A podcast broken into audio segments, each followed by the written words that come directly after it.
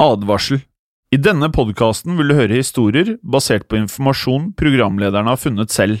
Programlederne står ikke nødvendigvis inne for meninger og syn som fremstilles. Noen påstander kan avvike fra virkeligheten.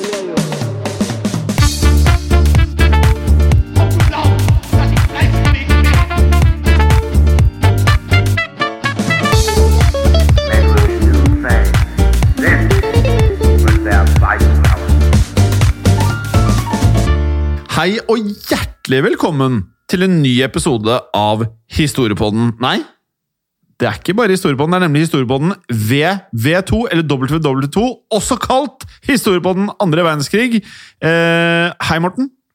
Hei. Det, det, det er fortsatt litt sånn her, som vi har prata om tidligere. eh, litt annerledes å starte eh, andre verdenskrig-episodene kontra vanlig historiepodden. Uh, Det er av litt uforklarlige årsaker, men nå syns jeg du var deg selv i veldig stor grad. Begynner det Ja. å sette seg nå? Ja, jeg tror grunnen til at det var mer naturlig enn jeg pleier å være i Det er stort sett i introen det blir litt sånn her, at vi er bevisste på dette her, men grunnen til at jeg tror det ble mer naturlig, er for at vi akkurat har spilt inn en episode av vanlig Historiepodden. Ja, og den var såpass løs og ledig at nå føler vi oss ganske komfortable i, i stolene våre også. Så det kan være noe i det. Og apropos det, dagens episode av Historiepodden andre verdenskrig, som dere akkurat har satt på, dere som hører på, den har jeg gleda meg ganske mye til en periode. Ja, jeg husker vel Jeg mener du prata om denne allerede i første sesong av vanlig Historiepodden. eh, Eller kanskje var andre sesongen, jeg husker ikke, men du har prata om dette her lenge. Og vi kan si at dette her er om en eh, meget spennende eh, person. Ja, man kunne til og med sagt eh, spektakulær. eh, Men det er kanskje likevel ikke alle som har hørt om denne personen før, eh, i kraft av at hun i sitt yrke jobba litt under radaren. Ja, hun gjorde det. Vi kan jo allerede her avsløre at vi skal snakke om en dame som ble kalt The Limping Lady. Eh, Eller da Virginia Hall, som hun egentlig het. Eh, Og var en av krigens Det er sånn her relativt å bruke det begrepet her, men de aller fleste anser eh, The Limping Lady som en av de viktigste spionene under annen verdenskrig. Og så må vi jo bare anerkjenne denne James Bond-aktige greia med kallenavnet The Limping Lady. Det er, jo, det er jo en bra start, bare der. Ja, Vi er veldig opptatt av eh, både navn, og spesielt kallenavn her i historiepodden og i historiepodden andre verdenskrig. Ehm, og det, hun høres jo med en gang ut som en eh, James Bond-skurk. Altså et, av, et sånn topp fem-medlem i uh, Spekter, denne Ja, krimsyndikatet. Mm -hmm. Ehm, men hun var jo da ingen skurk. Hun var faktisk en av de aller viktigste agentene til de allierte under annen verdenskrig. Og ble på et tidspunkt uh, omtalt av Gestapo som eh, de alliertes aller farligste spion. Og det sier jo en hel del. Det sier en hel del, og da kjører vi egentlig bare i gang med starten. Eh, Denne kvinnen, eh, Virginia Hall, hun ble født i USA i 1906. Eh, Nærmere bestemt den 6. april i byen Baltimore, som vi har vært innom i tidligere episoder av Historiepodden Jim, og da kalte vi det av en eller annen grunn Baltimore. Ja, jeg kaller det fortsatt Baltimore. Men det er fordi eh, når jeg har sett på mafiafilmer, så hører jeg at de sier Baltimore. Med i Ja, ok, ba ok. Baltimore. Eh, Virginia eh, ble født inn i en velstående familie, men eh, likevel var de, som de aller fleste på den tiden, føles det som, konservative i deres syn på kjønnsroller. Ja, og på den måten så var det sånn at moren til Virginia ønska at Virginia skulle finne seg en rik, kjekk og vellykket mann, og det så fort som overhodet mulig. Ja, eh, og, men så var det jo sånn at uh, på den tiden også så var det masse kvinner som hadde egne meninger.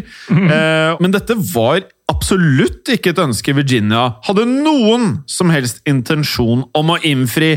For hun var fra tidlig alder både ansett som intelligent og var svært eventyrlysten. Eh, og hun ønsket ikke det samme livet som da moren hadde hatt, og ønsket for henne. Hun ville rett og slett ut i verden.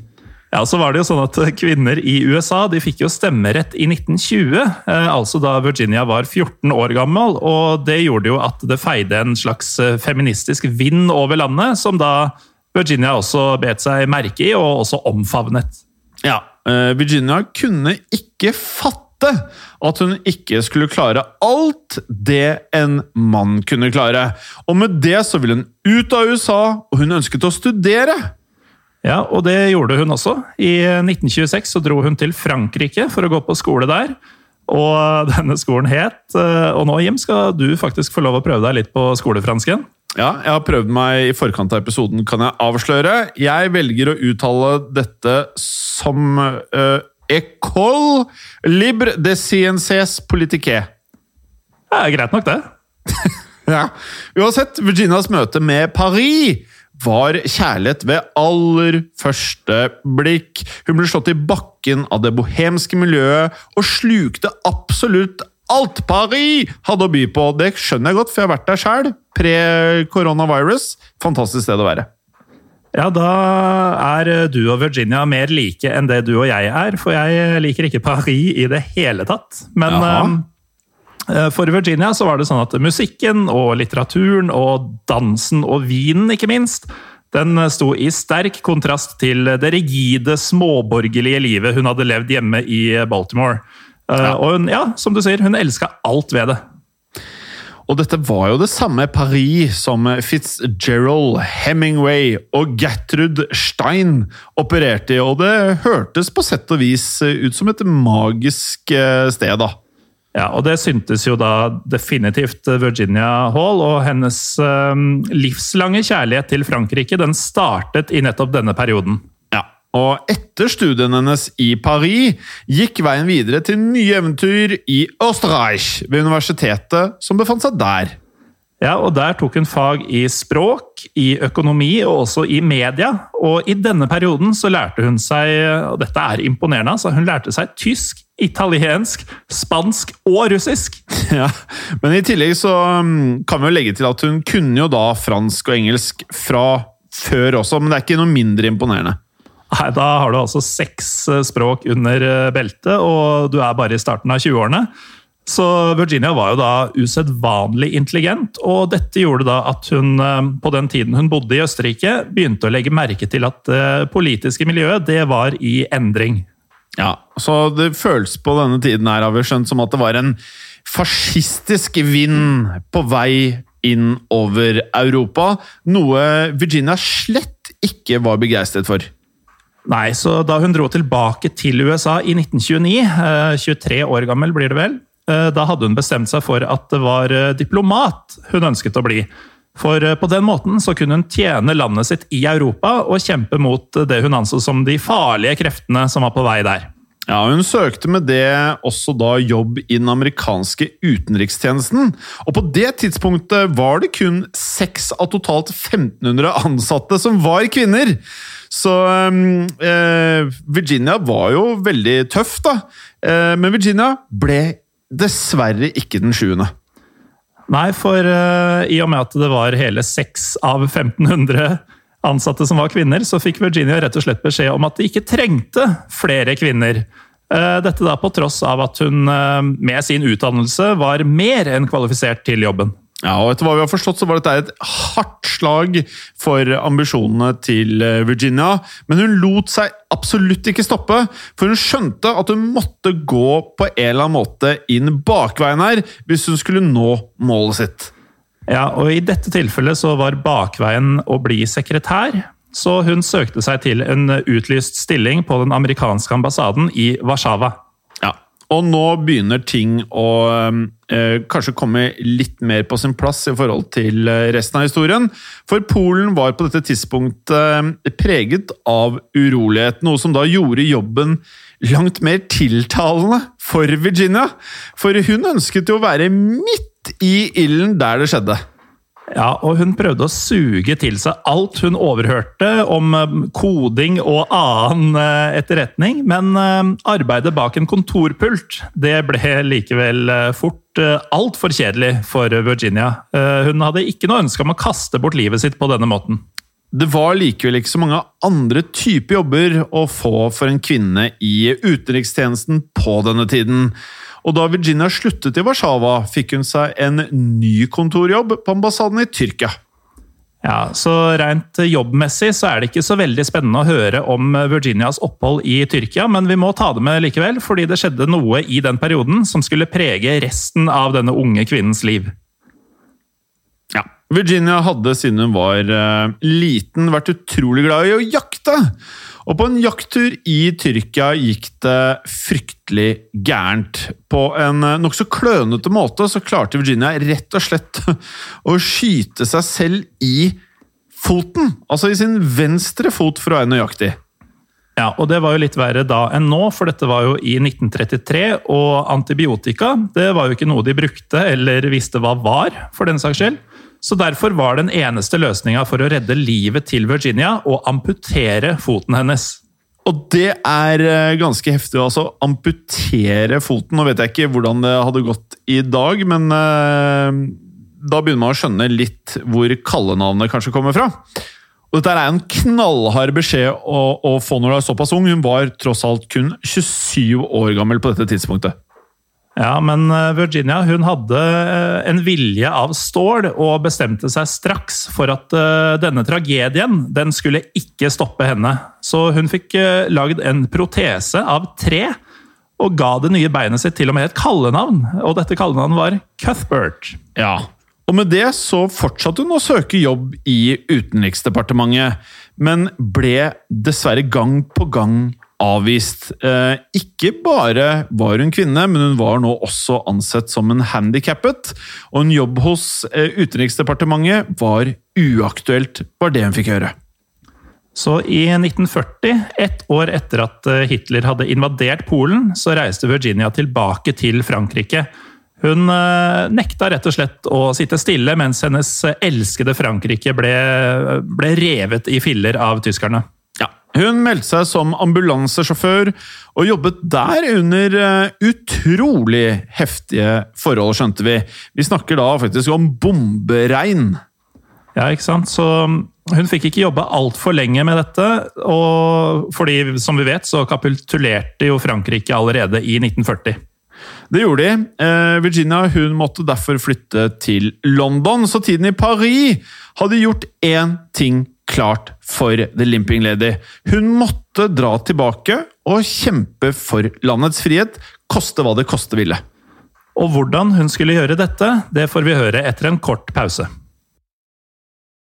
Velkommen tilbake. Nå er vi kommet til 1940. Frankrike har kapitulert, og Virginia Hall har klart å flykte over til London. Og denne Virginia som har flykta over til London, hun er på dette tidspunktet både sint og oppgitt over situasjonen, og det eneste hun ønsker, er å dra tilbake for å kjempe mot tyskerne. Og med dette i tankene kunne hun ikke ha ankommet London på et bedre tidspunkt. Nei, for uh, den store mannen selv, Winston Churchill, han hadde akkurat opprettet SOE, altså The Special Operations Executive. Ja, og nettopp dette var da Englands eh, ja, våpen mot aksemaktene. SOE besto eh, hovedsakelig av agenter som skulle lede en motstandskamp mot tyskerne gjennom både sabotasje og også stor grad av spionasje. Og allerede ved sin ankomst til London så fikk Virginia nyss om at SOE eh, de trengte en agent til å infiltrere den såkalte frie sonen i Frankrike. Ja, Det hadde vist seg helt umulig å få noen til å melde seg til dette oppdraget. Og grunnen til det var at det ble sett på nesten som et uh, selvmordsoppdrag. Men hvorvidt dette var et selvmordsoppdrag eller ikke, så var det sjansen som Virginia hadde ventet på. Så hun eh, møtte opp hos SOE eh, og meldte seg frivillig til dette oppdraget. Ja, og Selv om de da var overrasket over at eh, det var en kvinne, og ikke nok med det, det var en kvinne med ett ben altså Hun hadde jo med seg Cuthbert. Og at de da ønsket den jobben, det var eh, på sett og vis sett på som abnormalt, selvfølgelig. Men hun snakket både fransk og tysk flytende, hadde kjennskap til europeisk kultur og politikk, og fremfor alt var hun en amerikanische, og dermed i utgangspunktet å anse som nøytral. Så etter en rask opptreningsperiode så ble dermed Virginia sendt tilbake til Frankrike, denne gangen under dekke av å være en amerikansk journalist for The New York Post. Ja, hun reiste til byen Vichy. Hvordan ville du sagt det, Morten? Vichy er uh omtrent sånn. Ja, Og Vichy var maktsenteret i Nord-Frankrike og i det tysk-franske Vichy-regimet. Og det viste seg straks at hun var som født for nettopp denne jobben. Dette tror jeg Jim, bare er andre gangen vi nevner dette Vichy-regimet, eller Vichy-Frankrike. Eh, Første gangen det var da vi snakka om Operation Torch i en av de aller første episodene av mm. Historie på den andre verdenskrig. Så vi snakker litt mer om det i den episoden, hvis dere vil høre mer om Vichy-regimet. Men eh, kort tid etter at hun hadde ankommet, så klarte Virginia å overtale kvinnen Susanne Bertillon, som hadde ansvaret for sensur av utenlandsk presse i Vichy-Frankrike, til å komme over på de alliertes side. Og dette var helt essensielt, for eh, Virginia eh, kunne nå skrive hvilke artikler hun ville. Artiklene var selvsagt ikke åpenlyst kritisk til Nazi-Tyskland, men i tekstene la hun inn noe ganske fascinerende. For der kunne man finne både koder og også beskjeder til britene. Og dette her er jo det du forventer av en ekte spion, altså en ordentlig agent. Ja, dette er det nivå på, og Susanne og Virginia de ble også bestevenner, og sammen så oppretta de to et nettverk av sabotører, informanter og motstandsfolk i Vichy. Ja, og dette nettverket det besto av um, nesten 100 personer, mer nøyaktig 90 stykk, som alle rapporterte tilbake til Virginia. Og det kunne være da informasjon om tyske militære, operasjoner, eller bare hva tyskerne foretok seg da bak lukkede dører. Og denne informasjonen var jo selvfølgelig gull verdt for britene, og samtlige i SOE var meget positivt overraska over hva denne nye kvinnelige enbeinte agenten hadde fått til på så kort tid. Ja, for de hadde jo da som sagt tenkt at dette oppdraget var å regne som ja, et selvmordstokt. Og da informasjonen fortsatte å komme fra Virginia, så begynte de da å skjønne at de hadde å gjøre med en meget spesiell person, som tilfeldigvis også var en dame. Ja, for arbeidet Virginia gjorde, det var jo ekstremt farlig. Hun eh, visste at dette nettverket hennes når som helst kunne slå sprekker, og dersom det gjorde det, så ville det jo ende med døden for alle involverte. Ja, og dette vi skal nevne nå, det her er eh, noe jeg fikk eh, øynene opp for i sesong én av Historiepodden. Det er nettopp piller. Eh, og hvor mye piller det er snakk om at eh, soldater som var under oppdrag, hadde med seg til enhver tid. Og noe som kommer til å nevnes flere ganger i denne podkasten, i hvert fall.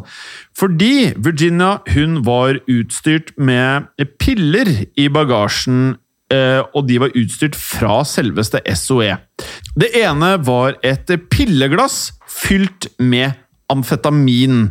Eh, og dette her var rett og slett eh, for at hun skulle orke å jobbe døgnet rundt.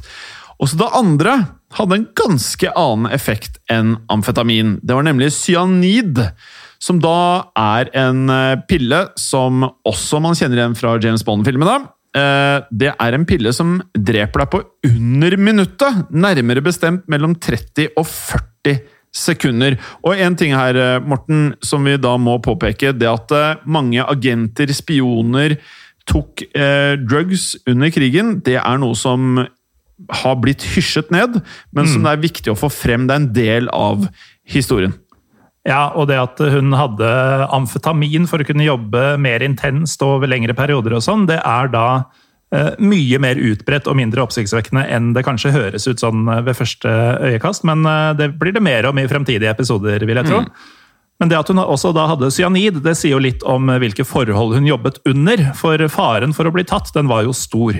Ja, men eh, det som er så kult med Virginia Hall, det er da at eh, det åpenlyst kommer frem i historien at det, det at det var så skummelt, det skremte henne ikke overhodet! For hun fokuserte kun på jobben og det hun skulle gjøre. Og etter at hun hadde opprettet eh, dette motstandsnettverket i Vichy, så reiste hun videre til Lyon for å fortsette arbeidet der.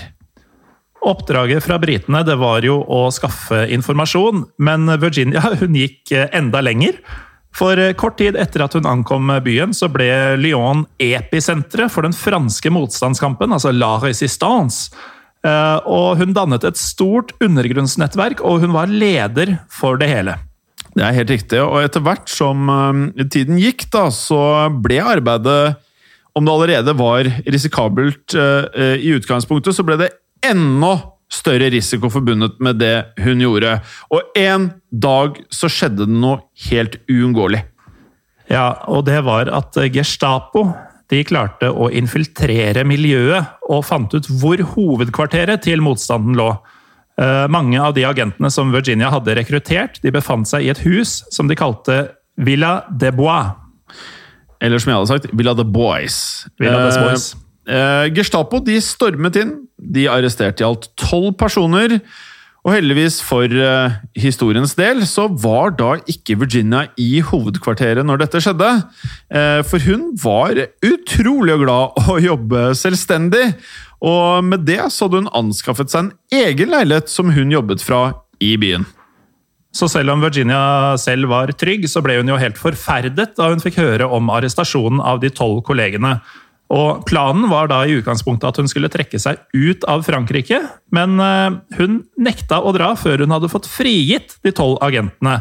Og det er jo greit sånn Mission Impossible, Jim. Altså, hvordan skal denne enbeinte dama klare å frigi de tolv fangene fra Gestapo? Nei, Det kan man si, men eh, Virginia hun dro straks til eh, en av sine kontakter, admiral Lihi. Admiral Lihi han kjente folk i Gestapo og kunne fortelle henne at de tolv mennene var blitt ført til et fengsel i Perigex. Eller Perigueux, for de som hadde fransk på skolen. Um, uansett så var jo ikke dette gode nyheter, fordi dette fengselet, Perigueux, det var nemlig berykta for å være et, um, et fælt sted, rett og slett. Altså, dårlige forhold og tortur var stikkord her. Ja, Virginia overtalte admiralen til å da prøve å få flytta disse fangene over til et annet fengsel. For eh, det hun da selvfølgelig planla her, var jo en eh, flukt. Og hun visste at eh, en flukt ville være umulig hvis det ikke var i god fysisk form. Noe de da ikke ville være hvis de ble værende i det fengselet der. Og Lihi han eh, lyktes, for eh, kort tid etter så kom det et telegram fra Lihi om at fangene skulle flyttes til det langt mildere fengselet Mossack. Og i telegrammet så sto det også at fangene var i dårlig fysisk form. Og denne informasjonen endret planene til Virginia voldsomt, for den opprinnelige planen hadde vært å frigi fangene mens de var under transport, og det faktum at de tolv mennene allerede var i dårlig forfatning, gjorde det mer eller mindre umulig. Hun måtte derfor finne en helt annen måte å få disse tolv mennene frie på. Men heldigvis så var en av de tolv fangene agenten Mikael Trotoba. Og Trottoba han var en tidligere atlet, og Virginia visste at han ville være i stand til å trene opp de andre eh, når de først kom frem til Mossack. Men i mellomtiden så måtte hun da finne en måte å eh, få inn informasjon til dem. Ja, og så kan vi legge til her at eh, på dette tidspunktet der, så var da Virginia en av Frankrikes mest ettersøkte personer. Og hun kunne derfor ikke i egen person nærme seg fengselet. Så Derfor så bestemte hun seg for å rekruttere kvinnen Gabi. Og Gabi var konen til en av fangene. Og hun sa seg villig til å dra ned til fengselet, og siden hun var gift med en av de innsatte, så hadde hun mulighet til å komme seg inn i besøksområdet. Så Virginia instruerte da Gabby i hva hun skulle gjøre, og sendte henne av gårde. Ja, Hun ga Gabby flere oppgaver. Det første hun skulle gjøre, var å overtale en av fengselsvaktene til å komme over på deres side. Og det høres jo ikke så rent lett ut, spør du oss. Eh, og dette var helt nødvendig for at planen skulle ha noen som helst sjanse til å fungere, og der er jo longshot. Det er en langshot, men de hadde en plan med det, så Gabby dro til den baren som fengselsvaktene pleide å drikke på etter jobb. Og der kom hun i snakk med vakten José Sevilla. Eh, Og heldigvis så hadde allerede José sympatier overfor de allierte, og han gikk med på å hjelpe dem på én betingelse. Når krigen var over, så skulle han få lov til å komme til London. Og med det så var jo del én av planen i boks, og gjennom José så klarte Gabi å smugle inn eh, både små beskjeder og også utstyr til fangene. Ja, for en eh, stor del av planen var jo da at de tolv mennene måtte lage sin egen nøkkel for å komme seg ut av cellen. Og dette høres jo ganske sykt ut, men det var altså da en del av eh, planen, da. Og for de av dere som da har hørt om eh, MacGyver, så vil vi kunne si at dette her er litt i MacGyver sin ånd. Samtidig som eh, de lagde seg nøkler på cellene, så skaffet Virginia et eh, safehouse som de kunne gjemme seg i etter flukten. eh, I tillegg til at hun skaffet en sjåfør og tolv sett med falske papirer. Har vi et eh, godt norsk ord for safehouse, Jim? Man ser det liksom i alle spionfilmer og serier, Enig. men aldri Det er- oversatt. Det er litt sånn der på norsk eh, Man mangler noen eh, viktige uttrykk, ja. Så jeg, jeg kommer ikke på noe annet, jeg. Sikkerhetshus. Sikkerhus. Sikker, Ja. Sikkerthuset. Ja, altså Det ligger i ordet at for de som ikke kjenner til hva et safehouse er, så er det jo da et sted å oppholde seg som skal være trygt for fienden. Um, og Planen var da at de skulle gjemme seg i dette huset noen dager eh, før de så skulle ta seg over Pyreneene, og fra Spania skulle de seile over til London. Ja, Så der er jo en ganske intrikat plan. Altså, De skal lage seg egne nøkler, de må være i god form, de skal over Pyreneene. Eh, ja, det, det krever jo at de tolv fangene her vet nøyaktig hva de skal, og til hvilken tid, og at ting går etter planen. Ja, og Det viser seg at eh, det var snakk om for mye informasjon til at det var mulig å smugle det inn på små lapper via Gabi eller fengselsbetjenten. Så Virginia hun kom derfor opp med en uh, briljant plan. Man kunne si at den var briljant, for eh, Virginia visste at fangene hadde rett til å da møte en prest, om de da selv ønsket det. Så det hun gjorde, var at hun rekrutterte en prest. Han var 70 år av alder, og presten var en krigsveteran fra første verdenskrig. Og dermed ikke spesielt vanskelig å overtale, forsto vi. Og det geniale var at denne presten satt i en rullestol. Ja, for eh, Virginia var sikker på at vaktene ikke kom til å undersøke rullestolen til den gamle presten, og det brukte hun til sin fordel. Så hun festa en sender under stolen, og på den måten så fikk hun smuglet inn løsningen på disse kommunikasjonsproblemene. Og nå skulle, kunne da Virginia informere fangene om eh, rømningsplanen ned til minste detalj. Ja, og nøkkelen den var jo også ferdig. Og med det så var det meste klart for en stor flukt for alle sammen. Og gjennom HC så hadde de fått vite hvilke tider det var vaktskifte i fengselet. Og det ble så klart at de hadde tolv minutter på seg til å komme seg over luftegården og over gjerdet. Og dette skulle da gå etter planen. For fangene de klarte å åpne døren med denne nøkkelen, som de omsider klarte å spikke i stand selv. Og videre så gikk det over luftegården og gjennom og inn i den ventende bilen på utsiden. Dette høres jo åpenbart ut som en film. Ja. Og med det så klarte alle de tolv mennene faktisk å komme seg til London. Og det er jo en eh, meget vellykket operasjon. Og etter denne flukten så eskalerte ting fort, for tyskerne de fikk vite at det var Virginia Hall som sto bak. Og over natta så ble hun den aller mest ettersøkte agenten i Frankrike. Og um, alle franske byer var tapetsert med etterlysningsplakater. Men tyskerne de visste faktisk ikke det egentlige navnet hennes, så de kalte henne bare The Limping Lady. Ja, og der kommer jo da i dette vanvittige kallenavnet inn der. Og vi skjønner jo, det er jo et eh, bra kallenavn når du halter. Det er veldig beskrivende, for hun, hun gikk jo rart da, pga. trebeinet sitt. Altså, She was limping, hun haltet, eh, som du sier. Og nå som hele landet var på utkikk etter en haltende kvinne, så hadde jo ikke Virginia noe annet valg. Hun måtte komme seg ut av landet med det samme. Ja, og det var kun eh, Det var ikke mange måter å komme seg ut av landet på på denne tiden her. Og ettersom ferden for de tolv fangene hadde fungert såpass eh, bra ved å ta veien over Pyreneene, så gjorde Virginia Hall det samme. Men det var jo en tur som altså Vi må huske at dette var da tolv menn som var i god fysisk form. eh, Og for dem så har jo det vanskelig nok. Men eh, når du da er eh, Når du har et trebein, rett og slett, så er det jo litt verre. Men Virginia hadde da ikke noe annet valg, og bega seg ut på denne reisen over fjellene. Man skal også huske på at Cuthbert var heller ikke som en moderne protese, for beinet var designet for å stå på. Ikke nødvendigvis for lange turer. Sånn at dette benet her, det gnagde noe voldsomt mot benstumpen. eh, Og skal ha vært langt fra stødig. Og det kan man jo faktisk se for seg, da. Ja, og For å sette det litt i perspektiv, da, når du vet all den planlegginga sånn, som Virginia har drevet med, så skal hun selv ha sagt at eh, flukten over Pyreneene det var det aller vanskeligste hun gjorde under hele krigen. Og um, hun kjempet seg da til slutt over fjellet og fikk seilt tilbake til London, akkurat som de tolv veltrente mennene hadde gjort før henne. Omsider vel fremme i London, så ble hun da møtt med grenseløs Dette var jo for så grenseløs hyllest, også beundring fra alt av kolleger, og også arbeidsgiveren, altså SOE. Eh, Og hun var på dette tidspunktet den lengstlevende, eh, tenkte dere det? Lengstlevende SOE-agenten i feltet. Men eh, Virginia hun eh, var ikke fornøyd ennå. Hun ønsket faktisk å dra tilbake til Frankrike og fortsette arbeidet sitt.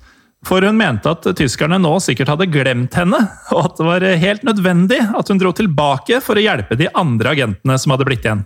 Men dette fikk hun da faktisk ikke lov til av SOE, rett og slett fordi selv de mente at dette ville være for farlig. Og da må vi tenke på hvor farlig dette faktisk var, når det første var å betrakte som en selvmordsaksjon. Så det gjorde jo Virginia da meget frustrert, og um, hun hadde jo ingen eh, intensjoner om å sitte igjen i England mens andre fortsatte kampen mot tyskerne, så hun eh, bestemte seg derfor eh, for å igjen kontakte sine gamle venner i utenrikstjenesten i USA. Ja. Men hennes innsats for England hadde jo da selvfølgelig ikke gått ubemerket hen hjemme i USA. Den amerikanske ekvivalenten til SOE, altså OSS, American Office of Special Services, tok henne gledelig imot i sin tjeneste.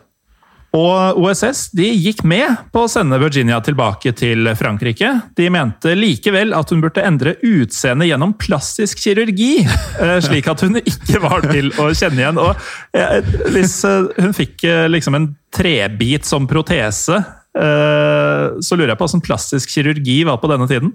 Og det er så James Bond. Den, han ene skurken, hvilken James Bond-film er det igjen? Det vet sikkert eh, lytterne våre, men da er det jo faktisk han ene eh, bad guyen. Han lager en enda en annen bad guy som ser helt lik ut som han ved plastisk kirurgi. Så jeg tror faktisk det er to James Bond-filmer hvor de gjør det. Men hun gikk likevel med på å gjøre noen forandringer på utseendet sitt. Hun fikk nemlig hjelp av en bare hør på det her, en Hollywood-sminkør til å farge håret hvitt. Og det kunne vel du og jeg også klart for en person, tror jeg. Jeg tror ikke du trenger en Hollywood-sminkør for det lenger. Nei. Eh, Men det man kanskje kan trenge en Hollywood-sminkør til, spesielt på denne tiden, var da å legge inn flere rynker flere steder i ansiktet. Ja, og det store bildet her var jo da at planen var at hun skulle utgi seg for å være en eldre fransk dame. Og når disse endringene av utseendet var i boks, så reiste hun tilbake til Frankrike, og resten av krigen så fortsatte hun da sitt arbeid for motstandskampen. Og Virginia gjennomførte da en rekke sabotasjeaksjoner og skaffa livsviktig informasjon, akkurat som hun hadde gjort tidligere. Og hele tiden så var Gestapo på utkikk etter henne, og omtalte henne da altså som de allierte sin farligste spion, som vi nevnte innledningsvis. Men likevel så klarte de ikke å finne den haltende spionen, og da krigen var over, så kunne Virginia igjen reise tilbake til USA. Ja, og vel hjemme så mottok hun selvfølgelig en rekke militære medaljer og utmerkelser fra både USA, Storbritannia og Frankrike. Eh, og alt dette ble gjort da i hemmelighet, fordi hun fremdeles var Hun var jo en hemmelig agent. Ja, ikke sant? Så Det forklarer jo litt eh, hvorfor man ikke har hørt så mye om henne. Og resten av arbeidslivet så jobbet hun for eh, CIA, som i dag faktisk har oppkalt et av treningssentrene sine etter Virginia Hall. Og Virginia hun jobbet i CIA frem til hun ble pensjonist. Og hun døde omsider i 1982. Da var hun blitt 76 år gammel. Så det Da er jo egentlig historien, den fantastiske historien om Virginia Hall ved veis ende hjem. Eh, Den, det er- et imponerende kvinnfolk vi har vært eh, innom her.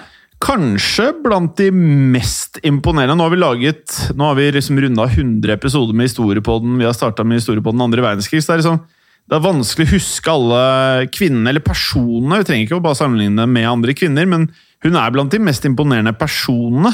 Vi har også hatt uh, kvinner som har fløy, fløyet og vært, slått verdensrekorder og alt mulig rart, men uh, det er jo alltid sånn at man lar seg kanskje imponere litt ekstra av de siste episodene man spiller inn, men hun går ned i minnet mitt som en av uh, de som stikker seg ut, i hvert fall.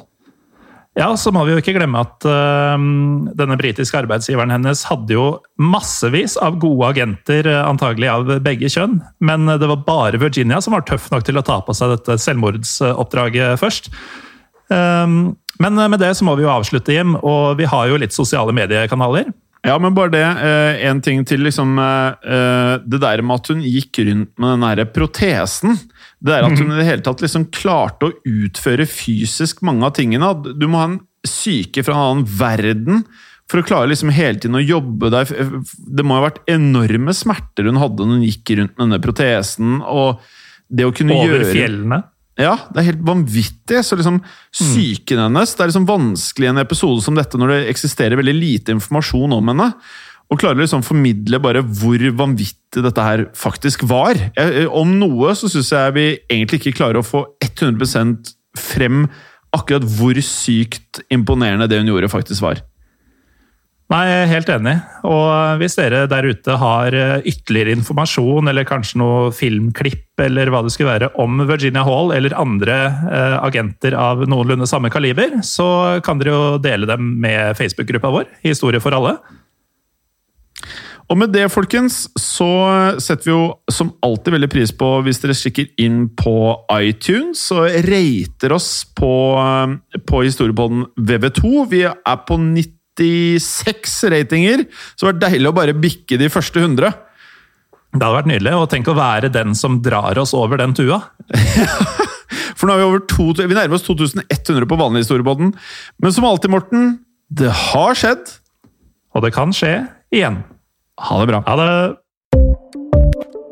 I produksjonen av Historiepodden så ønsker vi å takke Håkon Bråten for lyd og musikk. Takk til Felix Hernes for produksjon. Takk til Ellen Froktenestad for tekst og manus. Og takk til deg, Morten Galesen, for programlederrolle. Og takk til deg, Jim Fosheim, for programlederrolle.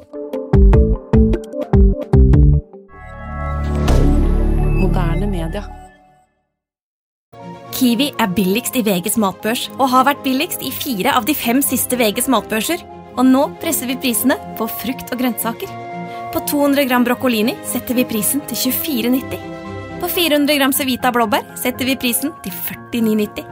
Og husk, alle Kiwi Pluss-kunder får i tillegg 15% trumfbonus på all fersk frukt og grønt. For det er vi som er prispresserne. Og vi i Kiwi gir oss aldri på pris.